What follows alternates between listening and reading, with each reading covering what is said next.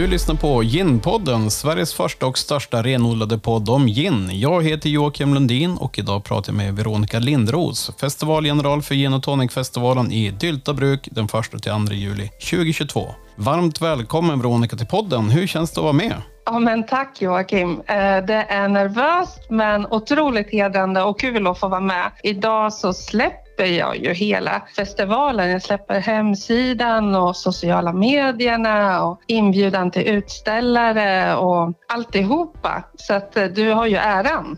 Ja, men det känner jag verkligen och jag tycker det är jättekul att du har det här engagemanget och jag känner att det här gärna är någonting som jag vill lyfta här i, i podden och jag är helt övertygad om att eh, lyssnarna till eh, Gin-podden också är nyfikna på att höra mer. Perfekt, vad bra. Om vi börjar med du och vad har du för bakgrund? Lite så här äh, som en enkel uppstart. Ja, eh, jag är då nordupplänning från början. Är född i en liten köping som heter Tierp i Norduppland. Sen så har jag flyttat på mig och eh, spenderat mitt vuxna liv i Närke. Bor numera i Kumla med min man Magnus och vi har ett företag som heter maltmagnus.se en e-handel för ölbryggning. Så att vi är inte ett bryggeri utan vi är de som har alla grejerna till att brygga öl. Så all utrustning och, och råvaror. Och det här företaget som vi har, det har varit min mans dröm och vi har byggt upp det nu i över 10-11 år tror jag det är nu. Vi har sju anställda. Vi har en son också, lilla Malte på nio. Han är inte så liten längre. Och jag kände, har känt ganska länge det här starkt att jag måste göra någonting eget som är min dröm och funderat lite grann på vad jag är bra på. Eh, så tanken har gått åt alla möjliga håll. Funderar på att starta upp en gelateria och göra italiensk glass ett tag. Oh, men oj, det... du har en kund här. Ja, men jag upptäckte att det där är ganska svårt och det, det kräver dyr utrustning och mer fysisk eh, och psykiskt än, än, vad jag har. Så jag tänkte att nej, det går inte. Jag, jag, kommer att bränna ut mig totalt om jag gör det, så jag måste göra någonting annat. Och förra sommaren då, det, ja, det här året har ju inte blivit som man har tänkt för någon. Då var man ju tvingad till hemester då var vi och hade våran semester var mycket på en lokal restaurang som ligger här i, i Kumla i Åbytorp där jag sitter. Den heter E-gastronomi och de är fantastiska på lokal mat och skapande överlag. Och där blev jag serverad en gin och tonic. Och då var det faktiskt inte ginen jag föll för utan det var tonicen, att den var så otroligt god. Jaha. Eh, jag tror att det var en hjortron tonic. Och då tänkte jag, oj, det händer grejer på det här området. För när vi är ute privat och äter och dricker mat, då kollar vi ju alltid på ölutbudet såklart. Det ingår ju i jobbet. Man köper ju alltid hantverksöl och, och kikar vad som finns. Så jag hade missat det här att det hade hänt en del på gin tonic-området. För mig, jag vet inte, det här är ganska pinsamt kanske att erkänna men jag gör det ändå. jag, jag, jag, tänkte alltid att eh, gin och tonic, det är gott, man dricker det på sommaren men det är lite tråkigt. så, så tänkte jag. Men så upptäckte jag att det behöver inte alls vara tråkigt och wow vilka smaker. Och då upptäckte jag att det fanns ju en hel rörelse med gin och tonic-tillverkare här i Sverige som är fantastiska, gör fantastiska produkter, prisas internationellt och det händer grejer både från allra norraste norr ner till söder. Och det där tycker jag är så otroligt roligt. Så um, då öppnades den nya luckan i, i livet där, gin och tonic-luckan. och sen dess, sen förra sommaren, då har jag nördat ner mig på, på alla produkterna och, och hejar verkligen på de här företagen. Och då kände jag att jag måste göra någonting. Men jag kanske inte ska vara den som tillverkar någonting själv utan jag ska göra det jag är bra på och jag är bra på events. Så att lite så är min bakgrund kan man säga. Gud vad spännande och här är vi liksom idag och du planerar för en gin och tonic festival nästa år. Det är inte läge i år att ha en festival. Jag hoppas att det är det nästa år. Ja, vi har ju sett lite festivaler runt om i Norden som har fått eh, skjuta upp och av förklarliga skäl ett läge där det kanske är lite svårt att satsa på den här typen av festival, tyvärr. Ja, jag hoppas ju att man kan träffas som förr nästa sommar och kan man inte det, ja men då får jag göra precis som alla andra och skjuta. Men det ska vi väl inte tro och hoppas utan jag tar, jag tar ett trä här på att det kommer gå fint.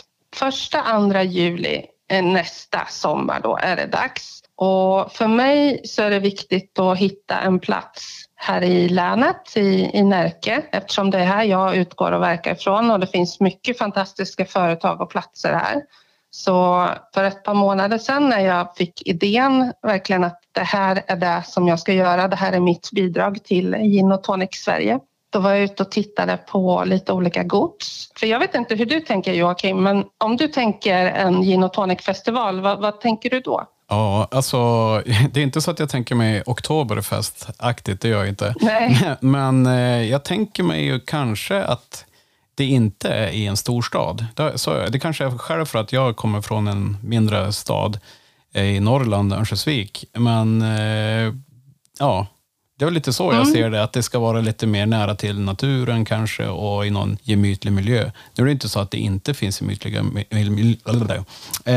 Nu är det inte så att det, nu är det, nu är det inte så att det inte finns gemytliga miljöer i storstäderna, men det är just den här äh, känslan av att vara lite mer avkopplad från stress och press och rusning och så. Då tycker jag att det låter bra att ha någonting som är lite mer på landsbygden så att säga.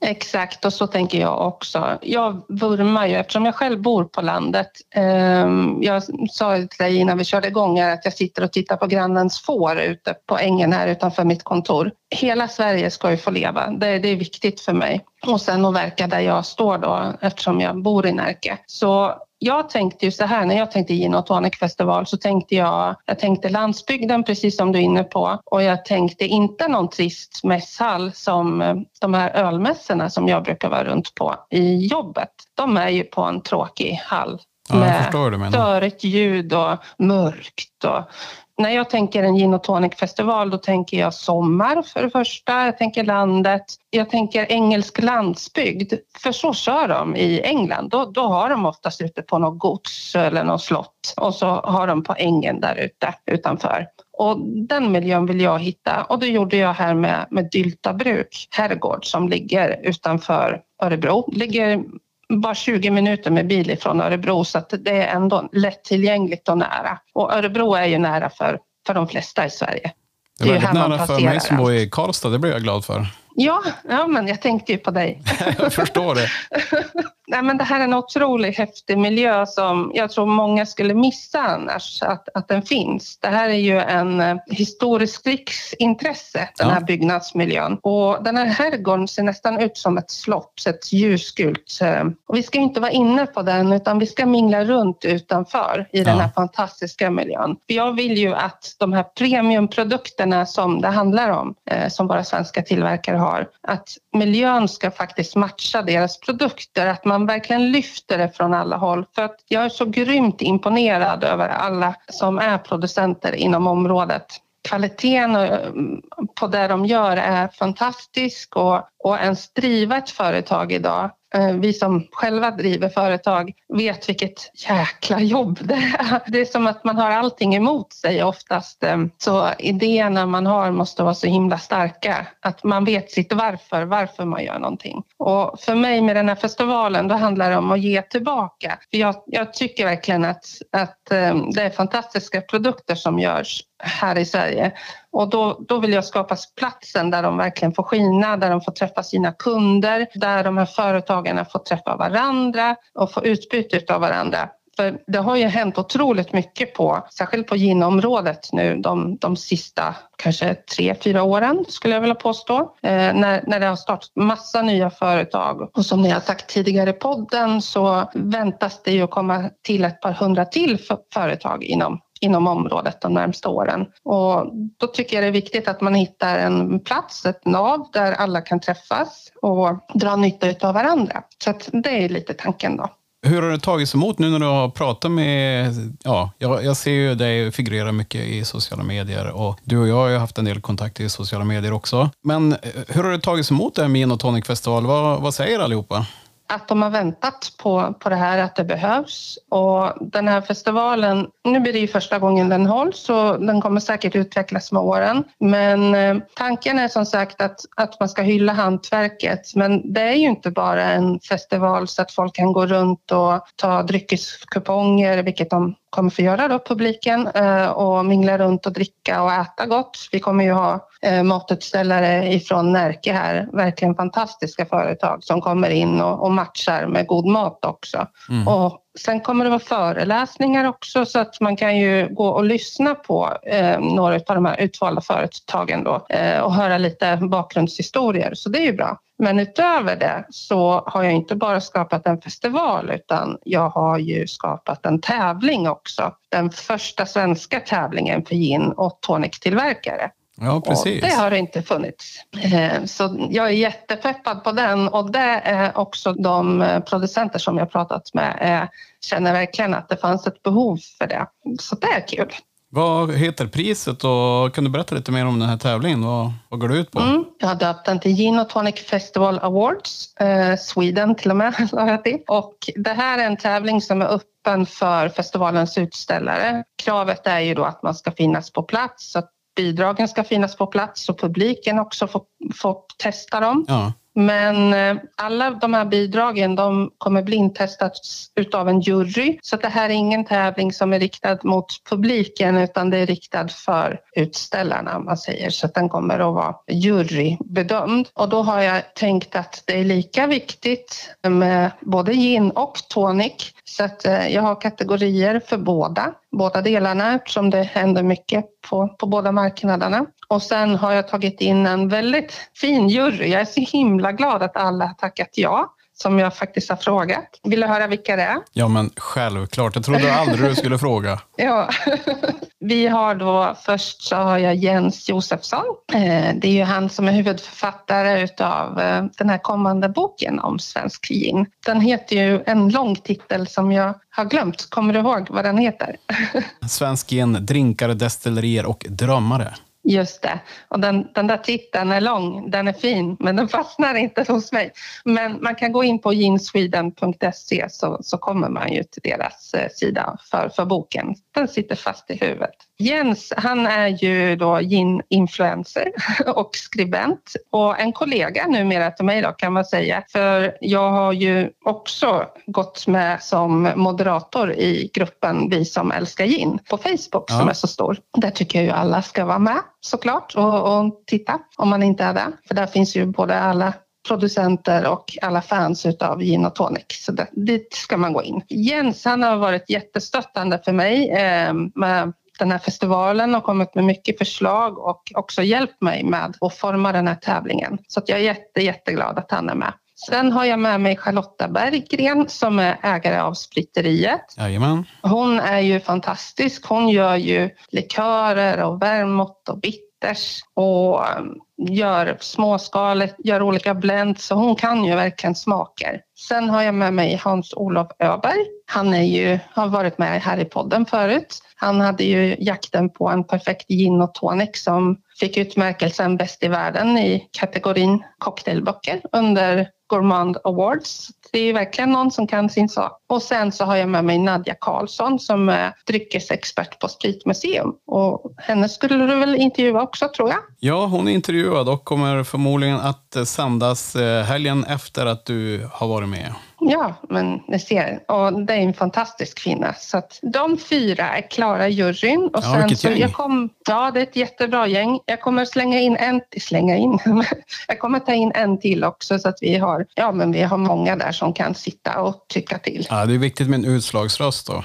Ja, precis. Det måste man ha. När vi går in då på själva vad, vad tävlingen är, vilka kategorier har jag? Ja. Ja, ska vi prata gin då först så har vi dry gin och där så har vi, går vi på stilriktlinjer som att det ska vara enbär då, som är tongivande smaksättaren. Mm. Eh, alla botanicals ska vara tillförda under destilleringen. Det ska vara med enbart vatten och neutral sprit som tillsatser efter destillering. Och sen har vi satt en ABV, alltså procenten, att det ska vara minimum 37,5.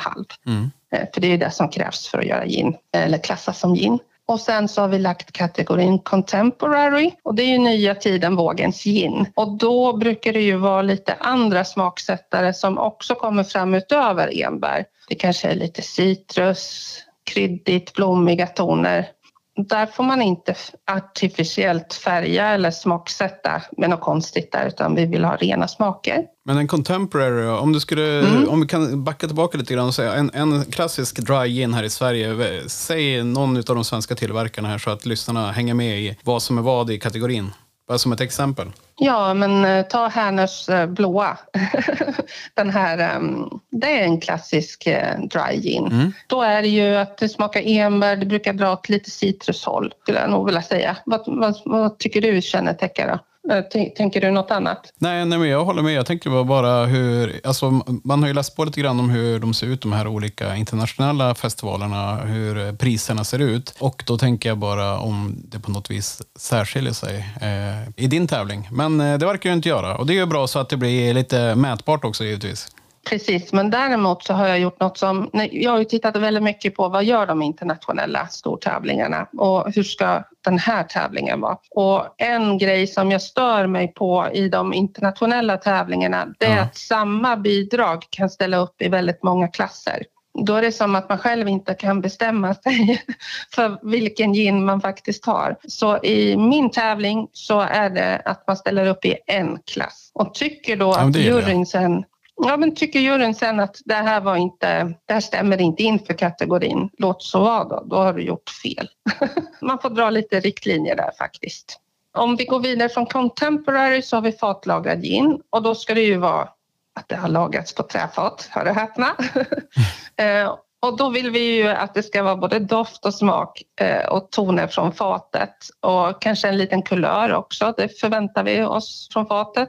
Sen så vill vi också då att man ska märka upp vilken typ av fat det har lagrats på, hur länge det har legat, om det har varit någon sprit innan eller så. Mm. För det påverkar ju bedömningen också. Det här är ju ett område också som jag tycker är väldigt spännande för det finns ju inte så otroligt många liksom, schyssta fat att få tag på runt om i världen. Det finns ju bara en eh, tunnbindare i Sverige och det är Torslunds Kagge som gör svenska tunnor. Och det där är, det är en helt annan fråga i sig, vilket otroligt hantverk det är att göra binda tunnor. Det är få i världen som faktiskt kan det. Och han har ju gått en otroligt lång utbildning för att, för att göra de faten han gör. Så att man kan gå in på kagge.com och läsa mer om Torslunds kagge. Förut så låg han här eh, utanför Örebro eh, men nu har han flyttat till Högsjö så nu är han ju inte helt okej okay längre. Nej, men jättebra tips. Jag tycker det är jättebra att du skickar med lite webbadresser och så här också och det är någonting vi kan bli bättre på här i podden generellt. Det är ju lite speciellt. Det tar ju längre tid för att få smaker oftast. Eh, man kan ju fuska och ha träkuber och liknande som till exempel vi har på Malt Magnus men det är något speciellt det där och det, det tar ju väldigt mycket smak om det har lagrats i något, någonting annat i det innan. Men det behöver ju inte vara så. Det går bra utan också. Men vi vill ju gärna veta i tävlingen så mycket information som möjligt för det påverkar ju bedömningen. Sen har vi Navy Strength. Det är inga konstigheter. Det är ju en gin med mer drag i. Det är en gin som ligger på en ABV över 57 procent. Vi har inte satt några fler kriterier än det, för det är ju väldigt beroende på grundråvaran, vad man haft i, vilka smaker som kommer fram. Men eh, väldigt, väldigt intressant. Det är när man verkligen vill ha power i smaken. Man vill bli överväldigad av smak. Det är det man tittar efter. Och sen sista kategorin för gin, det är Signature Botanical. En gin som är smaksatt utöver enbär då, eh, som har en annan starkt tongivande smaksättning. Och då kan det ju vara örter, kryddor eller frukt. Det kan vara sötat eller i eh, en, det kan vara en färg mm. på den som inte är artificiell. Då. Vi vill ha äkta grejer här. Så mm. det är den sista kategorin på gin-sidan. Men sen kommer vi till tonic då. Här tror jag att det kan bli lite kontroversiellt faktiskt. Men vi vill ju att alla tonic som tävlar att man ska uppfylla EU-kraven för att kallas tonic. Och det är ju att det ska vara chinin i eller att det ska vara någon form av chinin. Mm. Och då finns det kemiska beteckningar för det. Det är inte alla gin eller tonic på marknaden som, som faktiskt har kinin i. Men det tycker vi att det ska vara. Det, det är det som EU säger och historiskt sett också om man tittar tillbaks vad som är en tonic. Tonic water om man ska vara otroligt tydlig då. En tonic kan ju vara en tinktur, en medicinsk term också. Men vi kallar kategorin för tonic men det är klassificeringen för att vara tonic water som, som vi går efter. Mm. Och där har vi tre kategorier. Original, det är ju en ofärgad klassisk smaksatt tonic. Och där vill man ju titta efter blandningen mellan sötma och syra och bitterheten då, från kinin. Det ska vara tongivande. Sen har vi en lågkalorikategori eh, och där vill man ju ha god smak trots att kalorimängden är mindre. Eh, det ska vara god och frisk smak och vi vill ju veta vilket kaloriinnehåll den har och vilken sötning. Och sen har vi sist eh, smaksatt och det är ju väldigt brett. Det ska vara en eller flera tongivande smaker och dofter utöver kinin. Och där bedömer vi utöver doft och smak också om den har någon färg också. Och generellt på tonic då är det ju doft, smak och kolsyra också som vi tänker på. Ja, jag tänkte ju säga det. Jag hörde inget om bubblorna så det var ju bra. Jo, de, de ska vara där och de är viktiga. De är väldigt viktiga tycker jag. Har du testat och gjort en egen tonic hemma? Du, jag har börjat att göra det där, men jag gav upp. Jag var inte så bra på det, så jag ägnar mig mer åt att åka runt och jaga i affärer för att hitta rätt. Ja, men det är lite samma. Det är väldigt svårt att hitta. Det är krångligt att göra, tycker jag då. Och eh, den här kolsyran som är så skarp och krispig när man köper flaskad tonic, den, den får man inte till hemma på samma sätt. Jag vet inte vad, vad de gör, proffsen, som inte vi kan göra hemma, men det blir inte samma. Och när man går på vad man faktiskt eh, kan vinna då, i, i den här tävlingen så är det en eh, poängskala och jag vet inte, du har ju varit uppe, jag vet att du har varit uppe och tittat på internationella tävlingarna och för en lekman så är det ju väldigt svårt att förstå. Jag trodde ju först att man, det var bara en som kunde vinna en guldmedalj och silver och brons. Det där har ju diskuterats i oändlighet i forumen ska jag säga. Ja, så är det ju inte. Och jag, jag var, först var jag så här, nej, så här kan vi inte ha det. Det är ju inte tydligt för en konsument. Ehm, för att det kan ju då vara, för, för er som är konsumenter och undrar vad jag pratar om. De här tävlingarna, det kan ju vara kanske 10, 20, 30 som får guldmedalj. Och det är mer vilken vilken klass den hamnar i, vilken poäng man får. Och sen så finns det ett fåtal och då kallar man det lite olika saker som får en kvalitetsmedalj som särskiljer sig från de andra. Och jag hörde runt lite grann med, med våra tillverkare här i Sverige som har vunnit internationella tävlingar och medaljer hur de önskar. Och de, de sa att nej, vi vill ha liknande system. Det blir ännu mer förvirrande för oss om, om du tar bort det. det kommer att bli flera guld, silver och bronsmedaljörer. Men sen så har vi en fin medalj som heter Best of. Så Best of Original Tonic eller Best of Dry Gin mm, eller mm. Vilken, vilken det nu kan vara. Och det får bara en. så det är det finaste priset i vår tävling då. Det där kommer ju då vara blindprovning och ginen kommer juryn sitta och pröva enskilt på förhand. Toniken kommer de få pröva på plats under festivalen för det är lite knepigt att paketera om till mindre förpackningar och hålla det dolt vad det faktiskt innehåller med, med tonic. Mm. Eh, man vill ju inte förlora kolsyran så den testar de på plats. De poängsätter alla bidrag eh, individuellt och sen så blir det en omgång med de som har fått högst i varje kategori där de testar om och sen så utser de eh, den som är bäst av i varje kategori. Så så ser det ut. Skitkul, ja, vad roligt. Eh, snyggt eh, initiativ och vad spännande att du har fått med en sån namnkunnig panel också i juryn. Ja, men jag kände, jag tycker inte om att göra saker halvdant. När, när jag gör någonting då, då siktar jag högt. Många säger oftast till mig att du gör saker för stort. Du behöver inte göra så stort. Men nej, jag tänker att nu har vi den första nischade festivalen för gin och tonic. Då vill jag ha den första tävlingen som är, håller internationell klass och nivå fast här i Sverige. Kan de andra ute i världen, i London och så vidare, då kan faktiskt vi också. Jag tycker verkligen de här företagen är värda att prisas och hyllas de som hyllas ska. Ja, jag kan inte annat än att hålla med. Under de här, nu, vad blir det, snart 25 avsnitt in i, i podden så har jag ju verkligen fått höra många livsöden och eh, företagshistorier och drömmar och visioner och allt det där som även Gin Sweden talar om. Jag är imponerad över att det finns så många innovatörer där ute som vill skapa en liten pusselbit i det stora svenska ginundret. Det är jättehäftigt. I och med att det också har varit så snabbväxande som, som det har varit nu på det här området så tänker jag att den här festivalen är en chans för, för de här företagen att hitta varandra och ta kraft och stöd ifrån varandra. Så jag jobbar också på att göra en förkväll för utställarna där eh, de kommer få anmäla sig eh, och kommer att få föreläsningar med frågor som är viktigt för dem, till exempel export som jag vet är, eftersom det går så bra för dem, de vinner internationella tävlingar och då börjar folk skrika efter produkterna men hur gör man? Vad ska jag tänka på? Eh, lagar och regler generellt eh, kan ju vara bra. Vad ska jag tänka på, jag som är ny och startar distilleri och, och så vidare.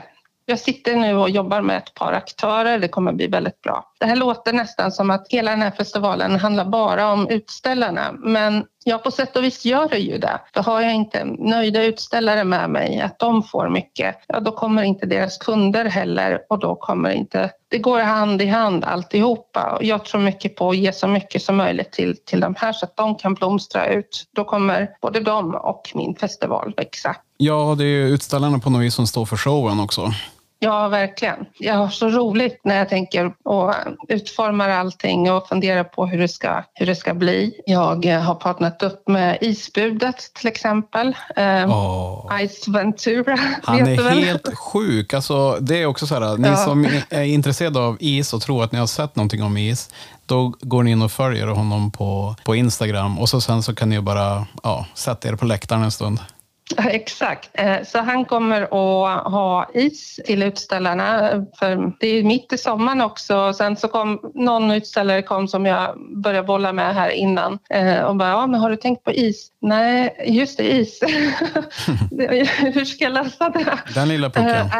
Och så bara berättar de hur mycket is det faktiskt går åt till bara en monter. Och det var ju, vad var det, 25-30 kilo per monter och dag. Och eh, jag kommer ha 82 montrar totalt inklusive eh, sponsorer och matutställare också då. Mm. Så att det kommer ju gå åt en del. Så att då ringde jag till Sebastian på isbudet. Och han kommer att lösa det där. Och jag tror han jobbar också på att um, titta lite på vad han kan showa med på plats i en monter så att eh, publiken också får, får se vad det handlar om egentligen. Och det är det som är så himla kul med allt det här. Det är en prylsport som allting annat med vad man kan göra och alla vi som har fått upp intresset för de här produkterna vet att is är väldigt viktigt och avgörande för för slutresultatet och hur det ser ut och också hur det faktiskt smakar. Så det där är viktigt, jätteviktigt. Det är kul att du säger det. Det är många som instämmer, det kan jag garantera. Ja. Vi har pratat lite grann om festivalen, vi har pratat om tävlingen. Det lät ju väldigt spännande där. Är det någonting annat som vi bör veta om den här Gin Tonic-festivalen? Det ligger ju på landet så att många tänker så här, hur ska jag ta mig dit? Jag kan avslöja att vi kommer att ha eh, bussbiljetter så att man kan ta sig dit och hem. Det kan vara bra att veta om. Sen rent generellt så sitter du på en förening eller en eh, elitidrottare och eh, är i kring, gör det i kring Närke, då ska ni veta att jag tittar efter föreningar och samarbetar med och då vill inte jag ha vilka som helst utan jag vill gärna lyfta kvinnor om jag kan eftersom jag själv är kvinna hör och häpna. Så eh, jag vill gärna ge tillbaka på alla sätt som möjligheter. Jag tänker att eh, är det någon som elitidrottar en förening så brukar det inte vara så mycket pengar i det när det handlar om kvinnor. Så att eh, jag letar efter en bra förening att samarbeta med som, som partner. Så vet du någon så hojta till till mig. Det är nog många som uppskattar det också, just det här eh, genuina intresset att vilja ge tillbaka. Det brukar vara bra när man ska bygga långsiktigt. Ja, ja jag, jag, tycker det är viktigt. Och, och sen just matcha med, med det bästa Närke har att erbjuda i form av mat och delikatesser. Eh, så att jag hoppas ju att det kommer besökare från hela Sverige. Vi kommer att släppa 4 000 biljetter så att det är tanken att det ska vara 2 000 besökare om dagen. Den kommer ligga på en fredag och lördag och det är ju första helgen efter midsommar nästa sommar. Så många kommer att vara lediga och ha möjlighet att ta lite semester i samband med, med festivalen. Det hoppas jag på. Det finns ju sådana fantastiska miljöer som man inte får se annars. Kristin och och eh, Axel som har den här herrgården, de vill ju gärna bjuda lite tillbaka på så vis att de vill arrangera den här typen av saker där ute så att man får uppleva miljön för det Förut var det ju brukspatron som, som styrde och ställde Och nu ser det inte riktigt ut så för någon som har, sitter på de här stora godsen. De, de jobbar med andra grenar. De jobbar absolut med skogsbruk och jakt. Och, men sen, sen handlar det, det handlar ju om att skapa events så det är väl det som ligger mest i tiden idag. Generellt att man vill ha upplevelser. Mm. Man vill, vill se någonting och uppleva någonting unikt. Det är en chans att få, få de här och kunna bevara de här fantastiska miljöerna och att folk får faktiskt upptäcka att de ligger där. För det ligger ju inte mitt i stan utan det ligger ju en bit utanför. Man kan ju säga att hemmästare kommer för att stanna. Ja, verkligen. Jag, jag brinner jättemycket för, för just det här och med landsbygden, att, att man ska kunna få bo kvar. Och det ser jag med, med de här företagarna. Det är de som gör att folk kan bo kvar. Och det handlar inte om att ha ett stort företag som Volvo eller Ericsson. Ja, de drar jättemycket folk och skattepengar och arbete, att det, det, är mycket jobb. Men det är vi småföretagare som faktiskt ger väldigt många fler ringar på vattnet och det är inte lika känsligt heller. För bestämmer sig ett storföretag för att flytta, då kan ju en hel ort bara dö, bara slås ut på ett slag. Men vi som är småföretagare, vi sitter ju och det är inte bara det att, ja men som här på Malt-Magnus, vi är sju stycken som jobbar här, men vi påverkar väldigt många andra företagare som levererar till oss och eh, fraktbilar som går in och ut till oss varje dag och underleverantörer. Och där försöker vi också jobba så lokalt som möjligt. Hämta slang ute i Vintrosa ute på landet, sitter och åker jättesnirkliga vackra vägar för att hämta slang som, som kapas och används används till kopplingar, ölkopplingar. Ehm, det finns ehm, företag som har specialiserat sig på slanganordningar till exempel som också är ganska lokala för oss som man inte trodde fanns. Mm. Ehm, jag vet inte, den här tanken med att man hjälper varandra framåt och för mig är det så här när du startar ett företag. Det enda det handlar om det är egentligen en enda stor problemlösning. Det kommer hela tiden nya grejer. Ja, hur löser vi det här? Hur löser vi det här? Eh, det kommer till nya regler och lagar som du kanske inte hade koll på. Oj, det här måste jag fixa. Jag måste göra. Som företagare så är du så oskyddad också. Du sitter, du kan inte få någon a-kassa utan du ska oftast investera allt du har i tid och pengar. Du, du jobbar så otroligt hårt och sen så hoppas man ju att folk verkligen gillar det man gör. För man lägger ju verkligen själ och hjärta ner i att starta företag och kanske anställa folk. Och jag är så himla imponerad över särskilt de som jobbar som destillerier här i Sverige där egentligen allt jobbar mot dem. Eh, de, de tävlar liksom inte på samma villkor som resten av länderna i EU och världen utan det känns som att allting jobbar emot dem men ändå så lyckas de. Jag tycker det är så starkt och häftigt och jag vill bara applådera alla som faktiskt gör, trots allt, att man kör på ändå och, och lyckas. Hatten av. Hatten av. Mycket bra. Men ska vi gå in och kolla lite grann på vad du har för egna personliga ginfavoriter här Veronica?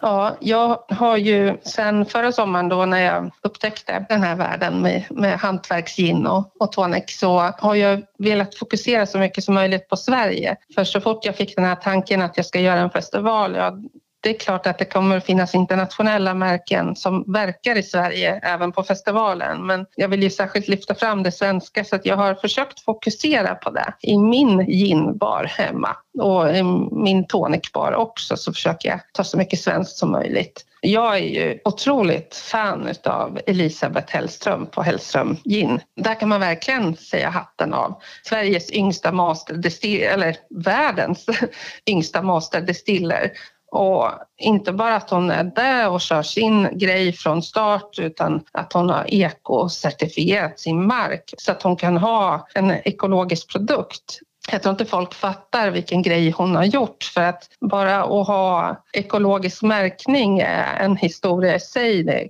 dyrt att ha. Det blir väldigt begränsat vad du får göra och hur du får använda produkterna i din verksamhet. När hon vill använda så lokalt som möjligt men också ha det ekologiskt och ta steget till att ekosätta marken. Det, jag har inte hört om någon annan som har gjort så. Och så gör hon en fantastisk produkt som är så unik. Jag vill verkligen slå ett slag för henne på alla sätt och vis. Sen måste jag ju säga, om vi pratar tonic så är det ju jätteroligt med Lokal Hammars som verkligen har lyft ett gammalt varumärke med nya ägare och verkligen rebrandat sig men ändå behåller de här klassikerna. Jag tycker det är otroligt häftigt. Ska vi prata norrut så tycker jag Revsunds destilleri Eh, gör fantastiska produkter småskaligt. De har ju en som de kallar för mylta tror jag mm. med hjortron och kardemumma. Och det är verkligen svensk skog fast med, med den här exotiska kardemumman. Det tycker jag är jättegott. Jag tycker jag börjar ana att du gillar hjortron. Ja, men det gör jag. Jag får ju inte tag på det där jag bor. Så när jag bodde i Uppland då kunde man ju faktiskt hitta hjortron någon gång. Ja. Men man måste ju väldigt, väldigt långt norrut för att verkligen kunna skörda den. Ja, men det finns här i Värmland också. Det, du, kan komma, ja, du kan komma och plocka här. Men, Visa jag, mig brukar få ibland av, eh, jag brukar få av svärfar ibland, så jag har faktiskt en eh, batch i kylen just nu som jag går och nallar på lite då och då. Åh, jag är så avundsjuk. om, om, du, om du visar mig dina bästa hjortronställen så, så får du hitta mina trattkantarellställen här. Ja, jag, jag lovar. Jag, jag, jag pratade med morsan för inte så länge sedan och ute i sommarstugan som vi har några mil norr om Örnsköldsvik, så mitt ute i skogen, så då finns det några hjortronmarker där som har gått generationer som det är i princip omöjligt att ta sig ut dit och, och får man reda på vart det är någonstans så måste man vakta det med livet. Ja, ja, så är det ju. man, man bjuder ju inte in vem som helst till sina smultronställen om man säger så. Nej, precis. Eh, nej. Mm. Ja, men eh, vad härligt att höra. Och du, du, du nämnde Revsunds nu eh, innan jag avbröt dig med hjortronfest här. Mm, det är fantastiskt. Då. sen Erik Salin på Salins brygghus har gjort en, en um, tonic-serie eh, som han har döpt till Scandinavian Tonic Sessions, tror jag. Mm, där han verkligen har lyckats med smakerna. De använder jag flitigt. Ja, vad ska man säga? Jag, jag gillar ju alla nästan. eh, det, är, det är så många som är så här nu såklart. Man kan inte tappa bort dem. Och Lydéns och allihopa, jag tycker de är jag, jag hittar nytt hela tiden och mitt, mitt ginskåp bara exploderar, sväller lite varje vecka. Här. Allt i utbildningssyfte. Ja, men jag har ju skrivit till dig och varit lite avundsjuk för att jag tycker att det sväller lite, lite väl mot för vad, vad mitt eget gör. Ja, men det, det, är väl kanske där. När, när jag frågade Hans-Olof Öberg om han ville vara jury, då skrev han till mig något som jag tyckte var väldigt roligt. Och så här, han bara, jaha, men vem är du i hierarkin inom ginvärlden då? Och jag skrev så att jag är ingen, det här kommer bli min grej. Men du kanske känner igen mig som hon som fick ginpresenter i nio dagar till, till födelsedagen här i, i sociala medier. Min man gjorde någonting helt fantastiskt. Han bara, jag tänkte, jag har köpt nio presenter till dig Veronica. Du kommer och, jag tänkte att du skulle få en, en om dagen fram till du fyller år från första mars till nionde. Nej, nej jag fyller år. Och det tackar inte jag nej till. jag älskar ju presenter och jag är väldigt generös till honom med presenter och då menar jag inte att det handlar om pengar, alltså hur dyrt och exklusivt något är, utan att man hittar någonting till personen som den verkligen gillar. Mm. Och det gjorde ju han nu. Så jag fick ju otroliga fina flaskor med gin eh, och saker på temat i nio dagar och det ville jag ju dela med mig så att eh, det blev ganska populära inlägg i Vi som älskar gin-gruppen på, på fejan. jag såg, om det var igår eller häromdagen här, så gjorde du faktiskt ett eh, recept på en eh, drink med Hellström. Jag vet inte, jag tänkte att du mm. skulle lämna några av dina favoriter som du har tagit fram eller lärt känna under ja. det här året. Jag vet inte om du hör, jag ska se. Jaha. Hörde du något? Jajamän. Ja, vänta. Hörde du det där? Jajamän. Nu ska vi se. Nu ska jag ta en sipp här också.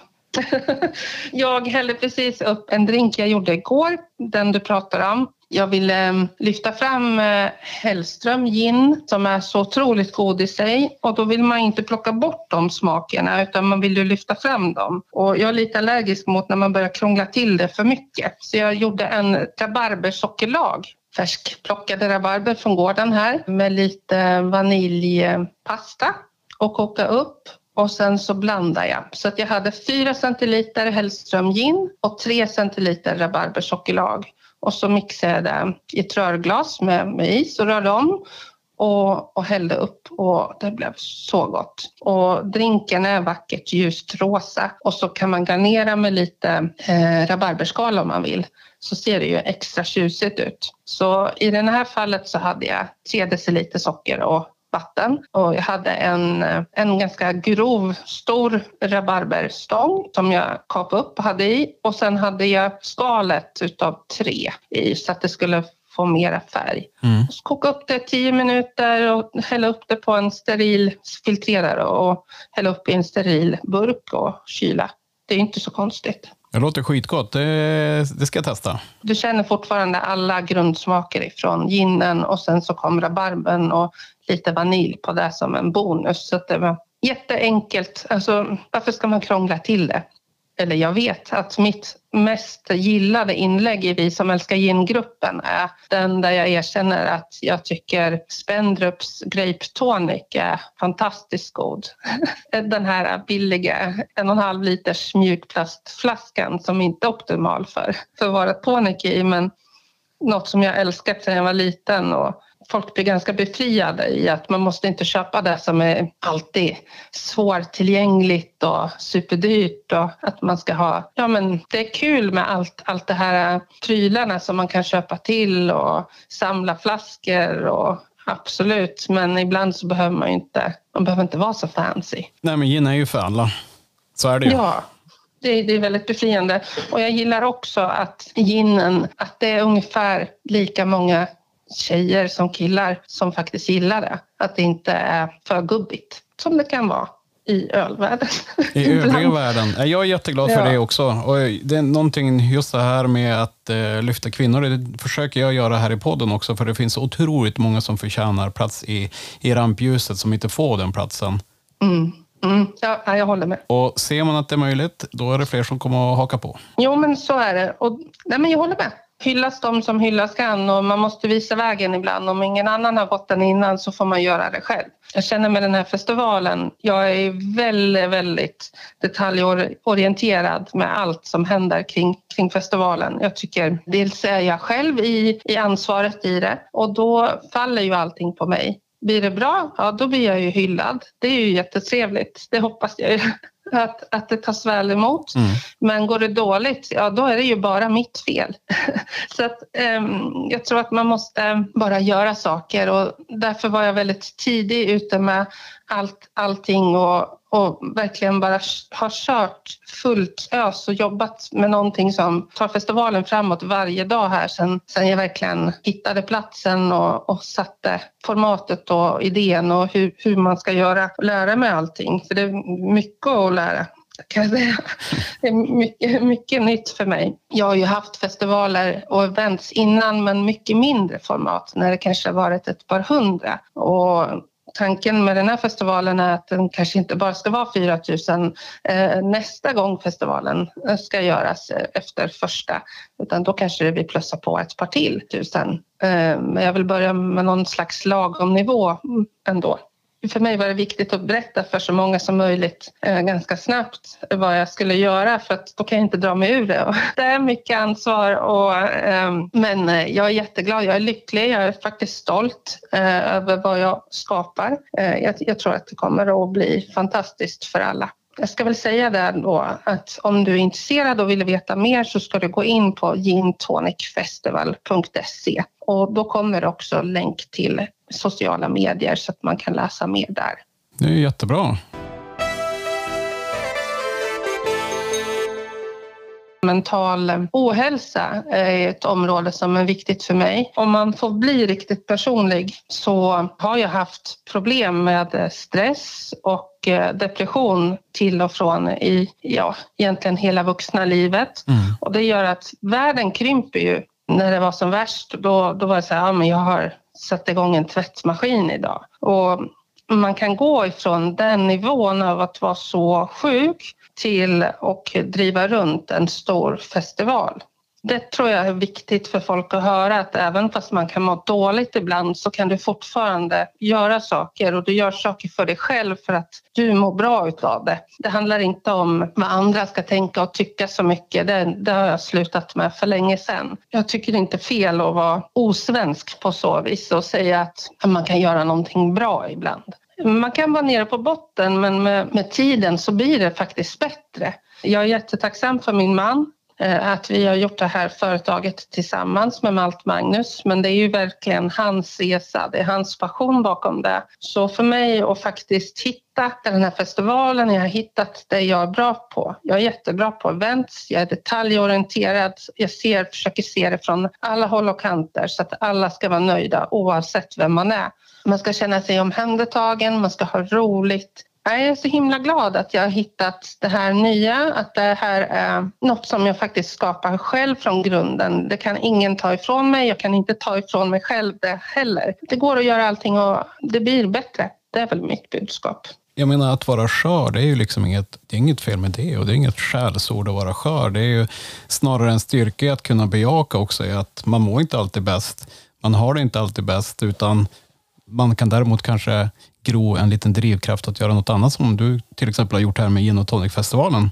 Precis, och ibland, många har mått väldigt dåligt på massa olika vis nu under pandemin. Det går över, det, det blir bättre tider och när man är avskalad från så otroligt mycket saker så kan man också få de här kreativa idéerna och faktiskt börja fundera på att göra någonting annat eller ta tag. Och Därför har jag varit väldigt noga med att unna mig saker som jag kan göra nu och inte vänta till sen. För jag, jag har ju lärt mig med livet att, att det är så förgängligt att vad som helst kan ju, man kan gå över ett övergångsställe och någon kör på en och så pang så, så är det slut. Jag lever gärna nu eh, eller allra, allra helst vad jag ska göra sen. Jag är faktiskt ganska dålig på att leva nu.